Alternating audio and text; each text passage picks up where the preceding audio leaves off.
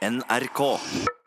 Vi bruker enormt mye mer tid enn vi aner på å vente ting fra andre mennesker. Vi forventer festen på lørdag skal bli super, at behovene våre skal bli oppfylt, eller vi kan forvente at alt går på trynet som det alltid har gjort. Og psykolog Egon Hagen, hvorfor er det sånn at vi automatisk får forventninger til kjæresten, ferien eller jubileumsfesten? Ja, Vi har denne fantastiske frontalappen vår som på en måte er i stand til å lage mentale representasjoner av ting som ikke har skjedd ennå. Det er unikt for oss mennesker, så vi kan se for oss ting, vi kan planlegge ting. Vi kan spekulere på, ha forventninger til hva som skal skje etter livet etter døden osv. Jeg har en liten historie lyst til å fortelle som tangerer noe av dette. Det var en fyr som var ute og kjørte midt på natta. Så punkterer han. Og så er det liksom langt ute i ødemarka, dette. Og så går han bak i bagasjerommet, og der er det selvfølgelig ingen jekk. Og så ser han langt der borte at det er et hus, sånn halv ett-tida på natta. Så går han bort mot det huset og tenker kanskje det er en person som har jekk der borte i huset.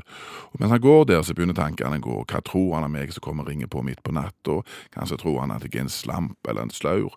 Kanskje tror han jeg skal rundstjele han? Kanskje tenker han at jeg ikke har orden på livet mitt? Og sånn går nå tankene mens han går nærmere dette huset. Og enden på visa, for å gjøre en lang historie kort, at når han da ringer på, så kommer det en stavrende ned der i pyjamasen og kikker på han. Og da sier han som står på utsida, du kan bare dra til hekken, du og den fordømte jekken din.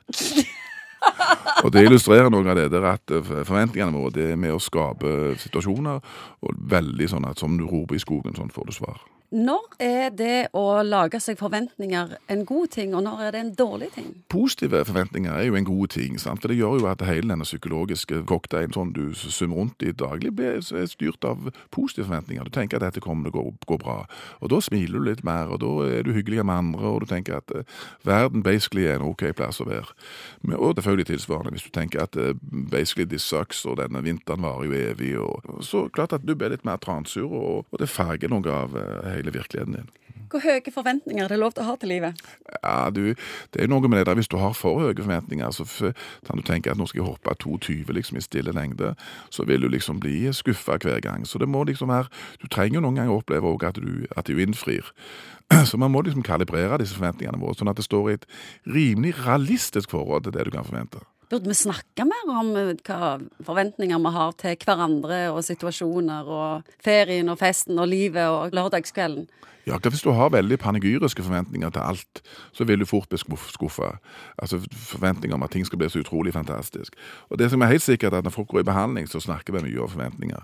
For, Hvorfor det? Jo, for, for, det er veldig mye av psykotrøbbelet vårt er knytta er forventningsdrevne.